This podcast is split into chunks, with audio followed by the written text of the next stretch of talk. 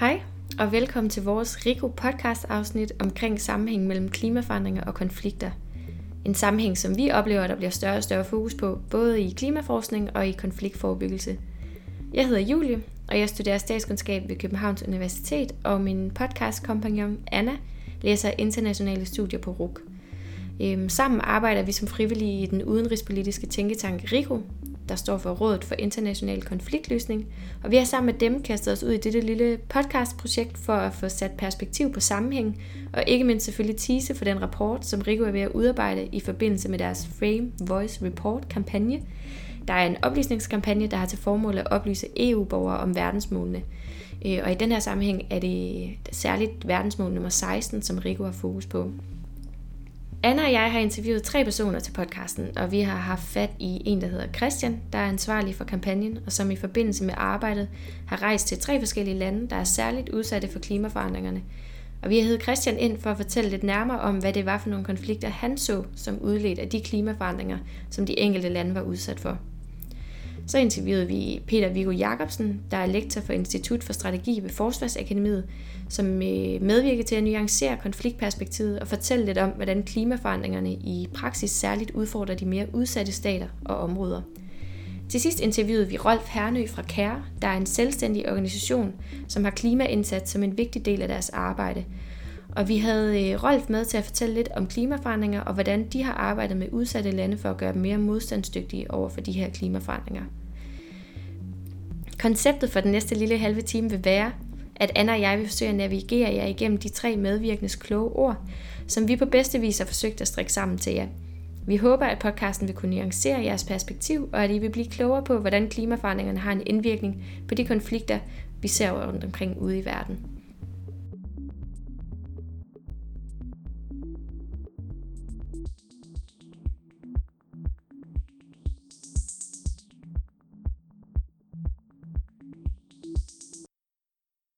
Vi lægger her ud med Christian fra Rico, som vil fortælle om sine oplevelser fra Bangladesh, Salomonøerne og Kenya. Vi har valgt tre lande, som er især udsat for de tre forskellige klimaforandringer, som man kan, man kan identificere. Det vil sige øh, ekstremt vejr. Øh, det indebærer også cykloner, men også forandrede regnmønstre.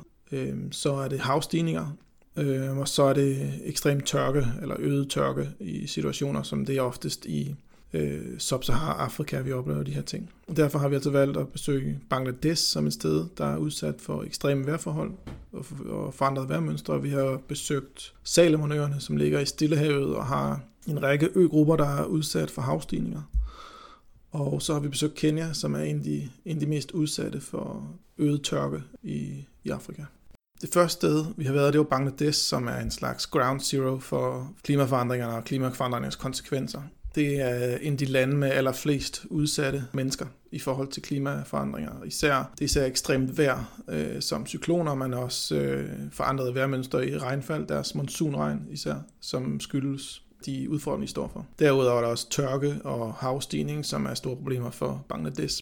Bangladesh ligger i, øh, i den bengalske bugt, og der er tre store floder, der kommer fra Himalaya og flyder ned igennem øh, Bangladesh som øh, nedfaldsland, tror jeg man kalder det, med floder, når, man, når de ender i et land. Øh, Bangladesh er cirka tre gange så stor som Danmark, men øh, også cirka lige så fladt. Problemet med Bangladesh er, at der er de tre store floder løber ud igennem Bangladesh som en trakt op fra Himalaya. Det er Brahmaputra, Ganges og Meghna-floderne, tror jeg det udtales. Øh, og det betyder som lavt liggende land, at øh, store forandringer i vandniveau og vandstrømning gennem floderne kan have katastrofale følger for dem. I forhold til relationen til konflikt er Bangladesh lidt et, et specielt eksempel, da der egentlig ikke er store konflikter i landet. Men da det er egentlig mest udsatte for klimaforandringer, synes vi, det er relevant at tage ned og kigge på. Det, som vi oplever så i Bangladesh, er, at mange af de dynamikker, som vi kender fra andre konflikter, der kan være, der kan være medførende stressfaktor til at føre til øget konflikt eller nye konflikter, er meget af det, som der sker på grund af klimaforandring i Bangladesh. Det vil sige intern migration, store mængder af mennesker flytter i Bangladesh på grund af, de er tvunget til at flytte på grund af klimaforandringerne. Og de flytter især til øh, hovedstaden Dhaka. Cirka 90% mener man, at alle dem, der flytter, øh, vælger at tage til Dhaka. Øh, et andet niveau af konflikt, som vi kan identificere, og som jeg oplevede fortalt fra mange i, i Bangladesh, er forholdet til Indien. Egentlig er det ret fredeligt nu, men der er mange scenarier eller dynamikker, som vi kan, vi kan se, der kunne blive problematiske. For det første øh, har Indien bygget øh, en af verdens længste grænsehegn hele vejen rundt om Bangladesh. Næsten hele vejen rundt om Bangladesh, må man jo sige. Der er, det, der er Indien jo omslutter Bangladesh på nær en lille, en lille grænsestrækning mod sydøst, hvor der er grænsestrækning til, til Burma eller Myanmar da Bangladesh er utrolig udsat for især cykloner og ekstrem vejr, så vil en, en naturkatastrofe som en stor cyklon medfører formodentlig, at rigtig mange bliver nødt til at flygte. Mange af dem, der bor i grænseområden til Indien, kan så ikke flygte til Indien længere efter grænsen er blevet lukket. Så der er nogle internationale strukturer der, der kan, der kan føre til noget konflikt imellem landene muligvis i fremtiden.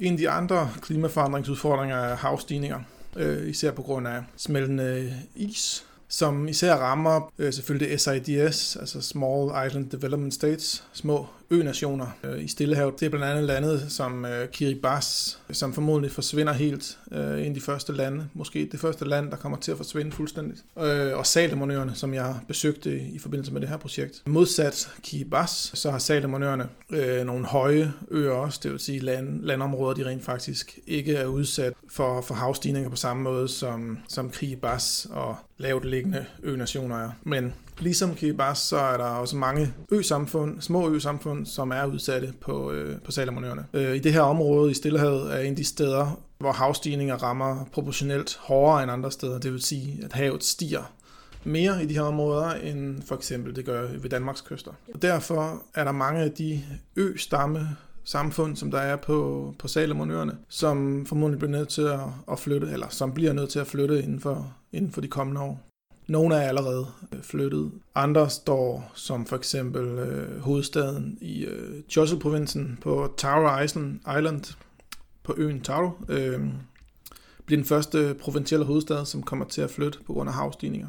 På Salomonøerne er 90% af landet øh, det, man kalder customary owned, det vil sige, det er de oprindelige samfund, og altså stammerne, der ejer landet. Kun 10% er ejet af regeringen på Salomonøerne. Og i takt, eller i sammenhæng med, at der er mange forskellige stammesamfund, så betyder det også, at man må flytte til andre stammers land, øh, hvis man bliver nødt til at flytte, eller er tvunget til at flytte på grund af havstigninger fra sine egne øer. Det har man allerede tidligere set, hvordan det kan føre til konflikt, når stammerne migrerer til andet land. Tilbage i 1998, der begyndte en del af de her stammer på Guadalcanal en kampagne for at øh, intimidere de malaysiske settlere på øen, som så måtte flygte øh, mange af dem til hovedstaden, hvor der stadig er en form for flygtningelejre eller migrant øh, settlements, øh, og mange af dem også helt tilbage til deres, deres hovedø, øh, Malaita. Men de kæmpede også tilbage, så der startede en konflikt mellem det, man kalder Guadalcanal Revolutionary Army, og så The Malaita Eagle Force, som blev oprettet for at beskytte de eksisterende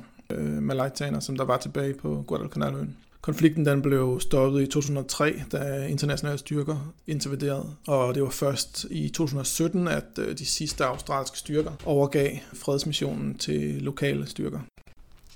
Som Christian fortæller, oplever lokalbefolkningen store problemer med tidevand, der også kaldes king tide, som kan have store konsekvenser for produktionen af afgrøder. Allerede så oplever de, at king tides i december især er blevet større og forurener deres, deres små kunstige øer med saltvand, hvilket gør det umuligt for dem for det første at, at drikke de boringer, som de har for drikkevandsressourcer, men også at dyrke deres haver. Øh, langt de fleste på Salomon, de lever af selv at dyrke grøntsager i, i små haver i deres, øh, i deres byer og i deres, øh, i deres samfund. Og hvis de bliver forurenet af saltvand, så kan de ikke dyrke dem i lange perioder af året. Derfor bliver udsat for fødevaremangel og må finde andre muligheder for, for levebrød. Og uden de her lokale stammerkonflikter, der kan opstå over, over landrettigheder og steder at bo, øh, når at, at ø-samfundet må migrere, så har øh, Salomonøerne også rodet ud i en lidt større geopolitisk konflikt. Tidligere i år, i september mener jeg det var, der øh, skiftede Salomonøerne diplomatisk bånd fra Taiwan til Kina, og altså gjorde nationer, der anerkender Taiwan fra 17 til nu kun 16. Det er selvfølgelig noget af det, som hele Kinas et lands politik går ud på, og på den måde har man været en del af hele konflikten mellem Taiwan og Kina. Men det råder også Salomonøerne ud i en større, øh, en større geopolitisk problemstilling, der hedder USA, Kina og kontrollen over hele det asiatiske bagland, eller Stillehavet i den her sammenhæng. Men Salomonøerne har, øh, har ønsket det her øh, selvfølgelig for deres, egen, deres egne årsager, og det er især udbyggelse af infrastruktur og, øh, og økonomisk hjælp. Det er især øh, det, de står over for de udfordringer og problemstillinger, som klimaforandringerne kommer til at betyde for, for dem. Øh, så Kina har altså gået ind og, og lovet økonomisk hjælp og udviklingsprojekter i den sammenhæng.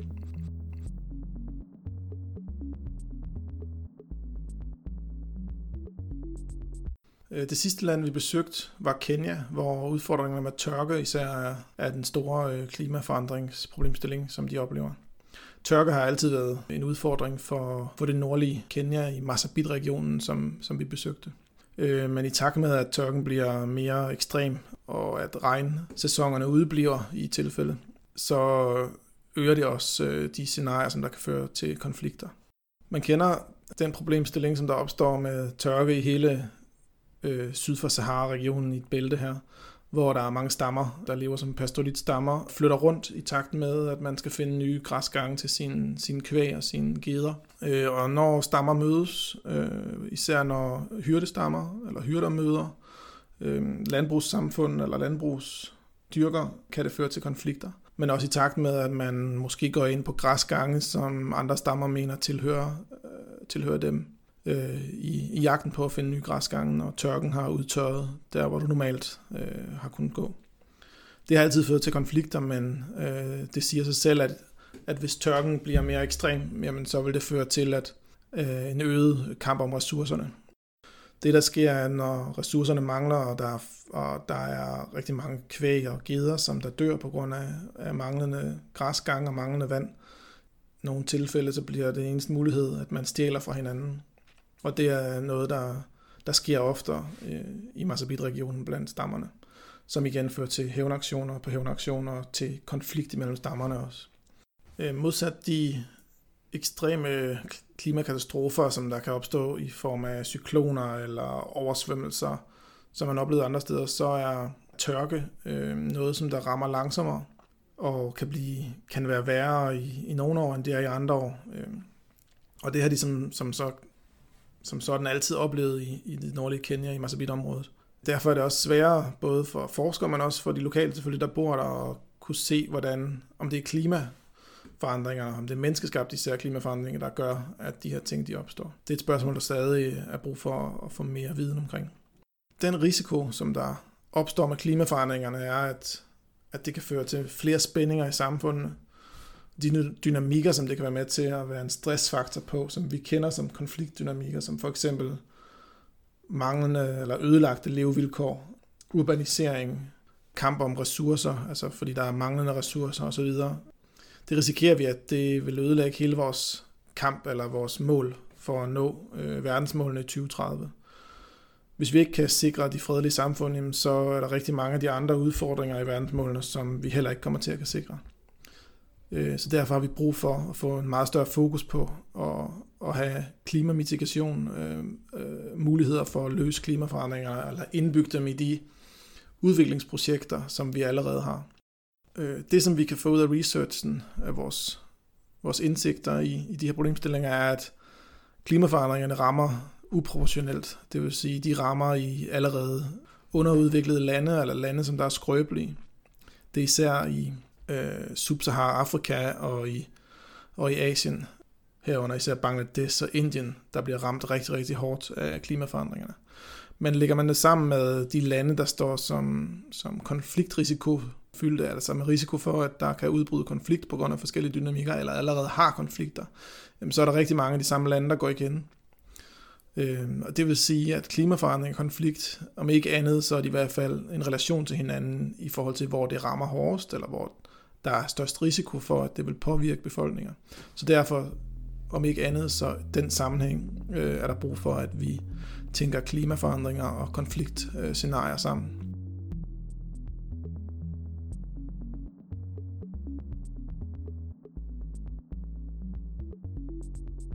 Som Christian lige fortalte, så rammer klimaforandringerne altså uproportionelt og påvirker især de lande, som er underudviklede og som oftest kategoriseres som skrøbelige. Og de stater er også dem, der oftest er hårdest ramt af konflikter i dag, som Peter Viggo nu vil fortælle lidt mere om.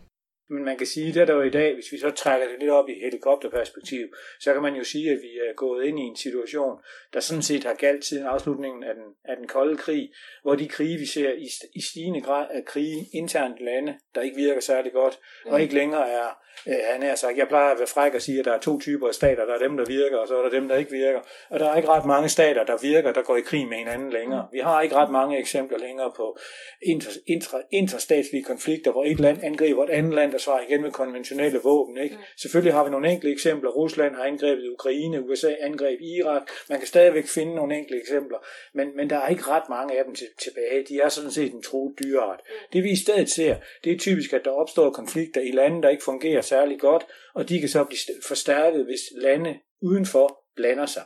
Jeg synes, at, at det bedste eksempel i nyere tid, eller det værste eksempel, det er vel del Syrien, hvor det starter med et internt oprør imod det, det siddende regime, og det udvikler sig så til en regulær borgerkrig, øh, der har taget et forfærdeligt omfang, fordi der er masser af lande udefra, der har blandet sig i konflikten og leveret våben til mange forskellige parter, og det har gjort dem i stand til at fortsætte med at bruge vold på et niveau, hvor de ellers ikke ville kunne gøre det. Øh, så nu har vi haft en krig, der har kørt siden 2011 og nok ikke stopper forløbig. Og de svage stater, der er der typisk ikke nogen idé om staten, fordi der er nogle forskellige stammer, der, der tror, mere, der, der, er mere, der er mere er knyttet op på en etnisk identitet, eller hvad pokker det kan være. Mm. Og så har de en statsapparat, der sådan set ikke leverer ydelser, men kun problemet, og hvor den sta, staten egentlig er den, den største sikkerhedstrussel imod øh, borgeren, og hvor politiet og de militære styrker er nogen, man er bange for at løbe væk fra, når de kommer. Mm. Og det er sådan set arketypisk, ikke? Og vold er et normalt middel til at håndtere konflikter. Øh, og jo, jo mere man bevæger sig over i retning af den svage stat, jo større er risikoen for konflikter af forskellige årsager. Mm. Enten fordi der er meget stor ulighed imellem befolkningsgrupper, fordi der er en befolkningsgruppe, der, der bliver favoriseret, eller som diskriminerer, eller måske ligefrem undertrykker de andre. Der er typisk heller ikke ret meget økonomisk vækst, så det, man får altså en situation, hvor der er meget få ressourcer, ikke, det er ikke svært at få arbejde, medmindre man har de rigtige forbindelser. Og lige præcis der, der har man en rigtig god, god grund for, for væbnede konflikter også. Som Peter Vigo fortæller, er der mange faktorer, der kan forårsage konflikter i skrøbelige stater. Blandt andet mangel på ressourcer, der kan medføre, at nogle grupper favoriseres. Dette var nogle af de faktorer, som Christian oplevede som konfliktskabende i Kenya. Det, der sker, er, når ressourcerne mangler, og der, og der er rigtig mange kvæg og geder, som der dør på grund af, af manglende græsgang og manglende vand. I nogle tilfælde så bliver det eneste mulighed, at man stjæler fra hinanden. Og det er noget, der, der sker ofte øh, i Masabit-regionen blandt stammerne, som igen fører til hævnaktioner på hævnaktioner til konflikt imellem stammerne også. Især øh, The Gabra, som er en stor stamme i det nordlige Kenya, i Masabit-regionen, og den stamme, der hedder Burana, oplevede vi, at der konflikten faktisk havde smittet helt til et nationalt niveau øh, i forhold til, hvem der blev valgt ind i parlamentet i Nairobi. En af de andre faktorer, som Peter Vigo taler om, der kan være afgørende for, om konflikt opstår eller ej, er hvorvidt der er tillid og tiltro til det pågældende statsapparat. Og det viser sig faktisk at være en essentiel faktor i Bangladesh, der selvom de er udsat for klimaforandringerne, faktisk ikke på samme måde er udfordret af konflikt. Og det vil Christian nu fortælle lidt mere om. På trods af at være en af de mest udsatte lande øh, for klimaforandringerne, og en af de lande, der har allerflest internt fordrevne på grund af klimaforandringer, så er konflikt ikke et stort problem øh, i Bangladesh, i hvert fald ikke endnu. Øh, det skyldes især en, en stor sammenhæng i befolkningen og en vilje til at vil finde løsninger på de problemer og de udfordringer, som de oplever på grund af klimaforandringer. Der er en stærk tiltro til, at regeringen kan gøre noget. Det skyldes nok især også, at den nuværende premierminister, Sheikh Hasina, er datter af en af landets første præsident, mener jeg det var, eller premierminister som er en, øh, en frihedskæmper og en held fra uafhængighedskrigene. Der er nærmest en blind tiltro og en stor loyalitet til, at, til hende som leder for landet. Hvad der sker efter hendes tid er slut, kan man kun gisne om, men der er i hvert fald mange dynamikker, der, der fører til, at risikofaktoren for konflikt kan siges at være ret høj. Som vi kan se ud fra disse eksempler, er der flere faktorer, der spiller ind, og klimaforandringerne er altså ikke nødvendigvis afgørende for, om der kommer væbnet konflikt eller ej hvilket gør det rigtig svært at forudse klimaforandringernes rolle i en potentiel væbnet konflikt i de skrøbelige stater. Det, der så afgør, om der bliver væbnet konflikt eller ej, ja, det, det, det er sådan lidt svært at, at gætte på. Ikke? Man kan godt pege på, at der er 30-50 skrøbelige stater i verden, der alle sammen har en stor risiko for enten at komme ud i en væbnet konflikt, eller til at falde tilbage i en konflikt, fordi de lige er kommet ud af en. Men vi kan ikke forudsige, hvornår den næste stat springer i luften, men vi kan sige med ret stor sikkerhed, at en, nogle af de her stater vil springe i luften, fordi de er prædisponeret for konflikt. Men det er stadigvæk en kombination af faktorer, der skal ramme hinanden rigtigt eller forkert, for at det udløser væbnet konflikt. Men der bliver det altså relativt komplekst. Det kan sagtens påvise rent videnskabeligt, at der er en sammenhæng imellem klima og den her type af lande, fordi de ligesom i forvejen har stor risiko for konflikt. Og hvis der så kommer nogle klimaforandringer, en lang tørke eller noget andet, der gør, at det kan blive svært at ernære sig ved hjælp af landbrug og tvinger nogle befolkningsgrupper til at flytte sig hen til et andet sted, hvor der i forvejen bor nogle mennesker, der ikke har så meget at dele af, ja, så kan det meget nemt øh, give anledning til en konflikt. Mm. Øh, så på den måde kan, kan de her klimating være med til at gøre en, en meget svær situation sværere, og på den måde være med til at udløse en konflikt. Men det er jo ikke det samme som, at det er klimaet, der skaber konflikten. Så de fleste vil sige, at man kan godt se, at der er en samkorrelation imellem øh, skrøbelige stater og de her klima, øh, klimafaktorer, som i stigende grad begynder at, at sprede, sprede ind. Men, men det er ikke sådan, at man kan sætte en fed pil fra klima eller mangel på vand til væbnet konflikt. Det er, en, det er en faktor, der kan være med til at udløse konflikt på linje med andre faktorer.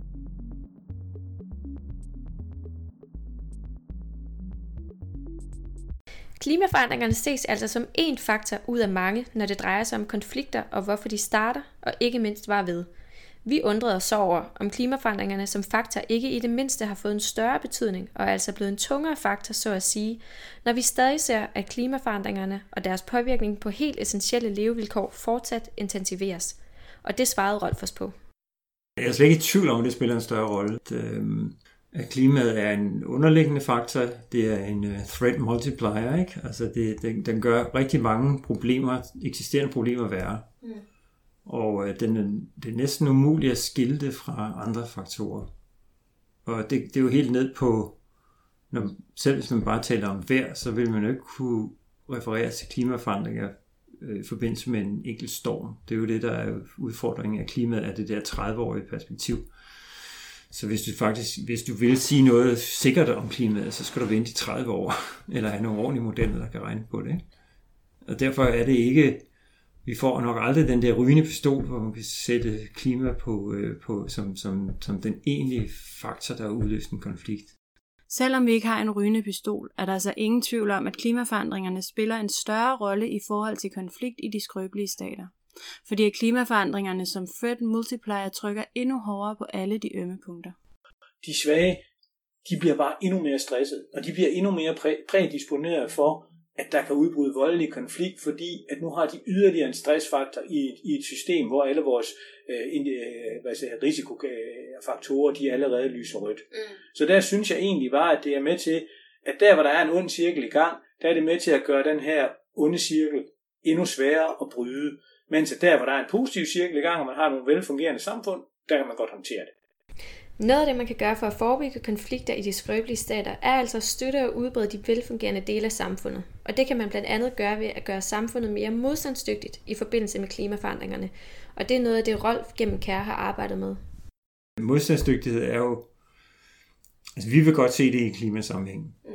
Vi synes, det ligesom hører bedst hjemme der, at man tager udgangspunkt i udsathed og sårbarhed i forhold til klimaforandringer, og at det så handler om at skabe større resiliens mod, mod både den langsigtede sådan snigende klimaforandring, men også øh, de øh, sådan vejrrelaterede øh, katastrofer og problemer og tørker og sådan noget, der kan komme i mellemtiden.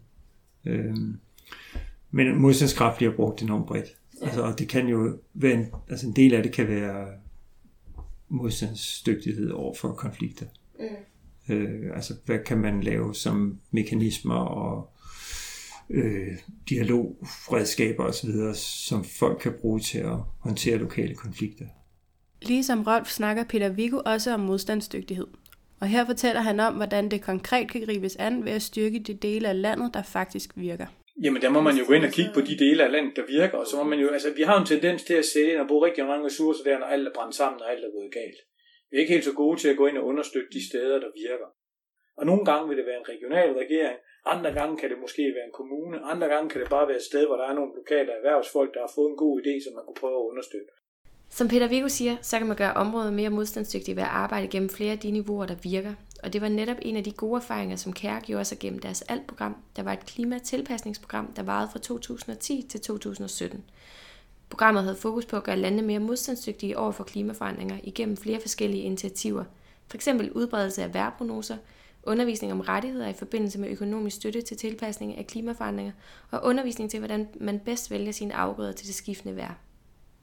Erfaringen fra alle programmet var, at de bedste partnere, vi havde, det var faktisk ikke civilsamfundspartnere. Altså det, det, det var ikke fordi, de ikke gjorde, hvad de skulle, og de var, de var gode nok som på, på de områder, de arbejdede med deres pilotaktiviteter og hjalp bønder og viste øh, metoder osv. Men dem, der var mest øh, sådan konsistent engageret og, og fik mest ud af det, det var lokalregeringerne. Altså for eksempel de der county-regeringer i Kenya og distriktsregeringer øh, i, øh, i Ghana. Fordi, øh, og det er der også noget forskning, der har kigget på, noget baseret på, øh, på DIS, øh, det de kalder mesoniveauet, det er dem, der kommer i klemme. Altså det er ligesom en sandwich. De har behovene for klimaforandring eller klimahandling nedefra. Folk mærker behovet, og som, som vi snakkede om før, de giver udtryk for det. De kræver noget af deres regeringer. De har oppe fra, øh, fra det globale system og fra den nationale regering klimahandlingsplaner, og efterhånden er der jo politikker på mange områder, og man vil godt, men meget lidt budget. Øh, så de bliver klemt der, og så har de også tekniske problemer. Ikke? De, mm. Mange steder, der har man simpelthen bare plantet træer, fordi det var sådan det, man kendte, og det var klimatilpasning. Ja. Og der var meget mere i det. Altså, i virkeligheden handler det ikke kun om en enkelt sektor, men man skal have alle sektorer med. Det handler om noget med sundhed og landbrug især, og vand og infrastruktur og alt sådan noget. Ikke? Så det skal opgraderes på alle de der områder. Men de er meget interesserede, fordi de føler presset opfra og nedefra. Og de er selv sådan relativt lokale, de her lokale regeringer, selvom de tilhører eliten, så, så kan de jo godt øh, se problemerne. Så jeg tror, at vejen frem, det er at styrke det niveau. Altså det er dem, der skal implementere. Nu har man i mange år øh, støttet fra FN's-systemets side nationale handlingsplaner og kapacitetsopbygning, og det er fint, det er godt, og det skal til.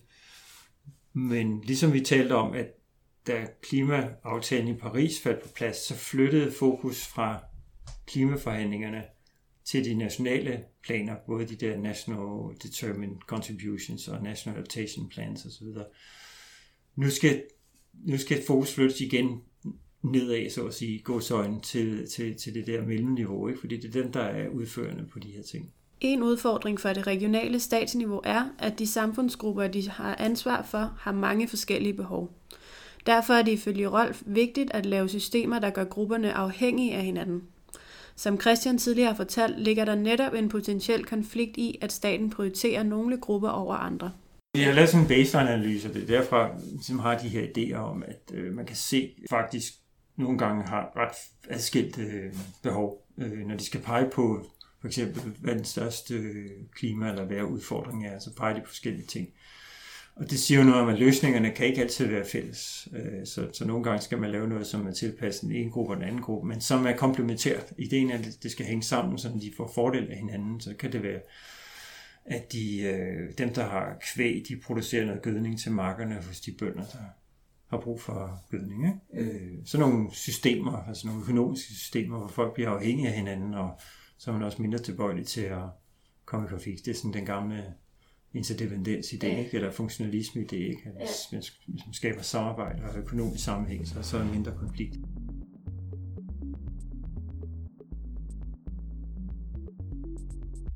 En anden udfordring er den traditionelle sondring mellem at arbejde kort og langsigtet, altså valget mellem en slags humanitær brændslukning og de langsigtede bæredygtige løsninger, som Rolf nu vil sætte på flere ord på. Det, men det med at koble det langsigtede og det kortsigtede, altså det humanitære og det langsigtede udvikling, det, det, det er jo helt klart et behov. Og der er brug for at nedbryde nogle siloer der.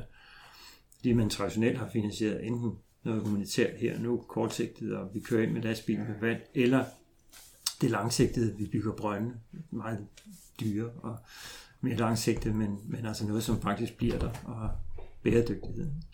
Og de to verdener, de, de hænger ikke sammen endnu, men det taler man meget om, de skal. Så det er jo en løsning, man kan gøre som system, i hvert fald øh, blive bedre til det.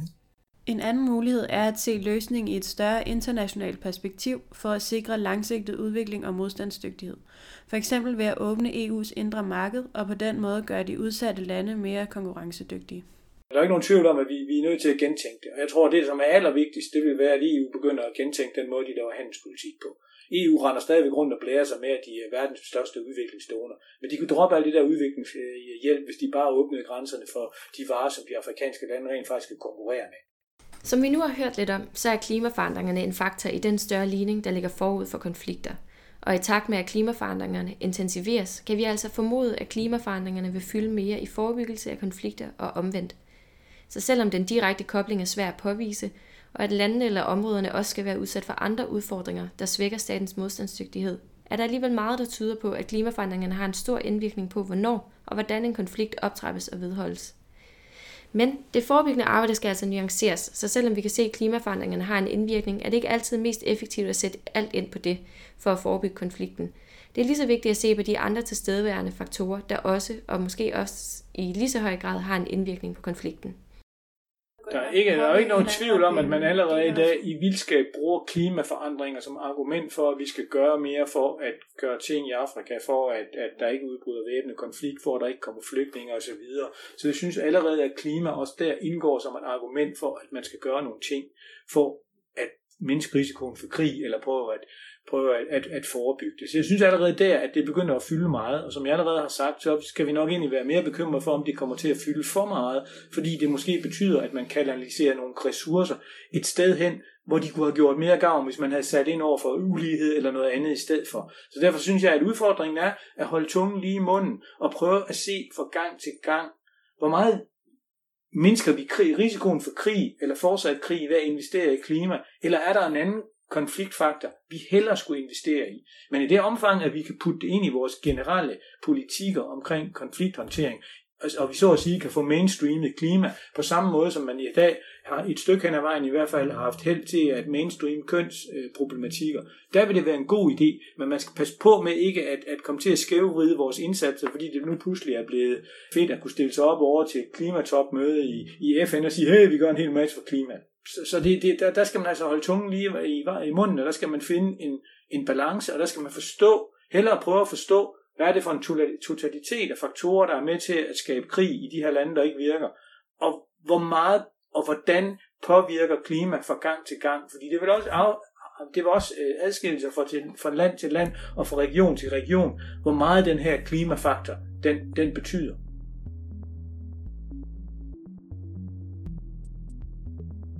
Det var alt, vi havde til jer for nu. Podcasten her er som sagt blevet til som et del af et Frame Voice Report-projekt i RIGO, der handler om konflikt, klima og migration. Projektet har til formål at styrke EU-borgers viden om og engagement i verdensmålene for bæredygtig udvikling. Projektet er støttet af den Europæiske Union og Danidas rejsebevilling. Dog skal det siges, at det kun er Rico, der er ansvarlig for indholdet af podcasten, der altså på ingen måde afspejler hverken EU eller Danidas holdning. Så vil vi sige tusind tak til Frederikke Krabsban, der har hjulpet os ved at lave podcastens jingle og det underliggende musik. Til sidst vil vi opfordre jer til at holde øje med Rico på Facebook, Instagram og deres hjemmeside, hvor I kan finde mere om emnet og læse Ricos rapport, når den udkommer senere i år. Tak fordi I lyttede med.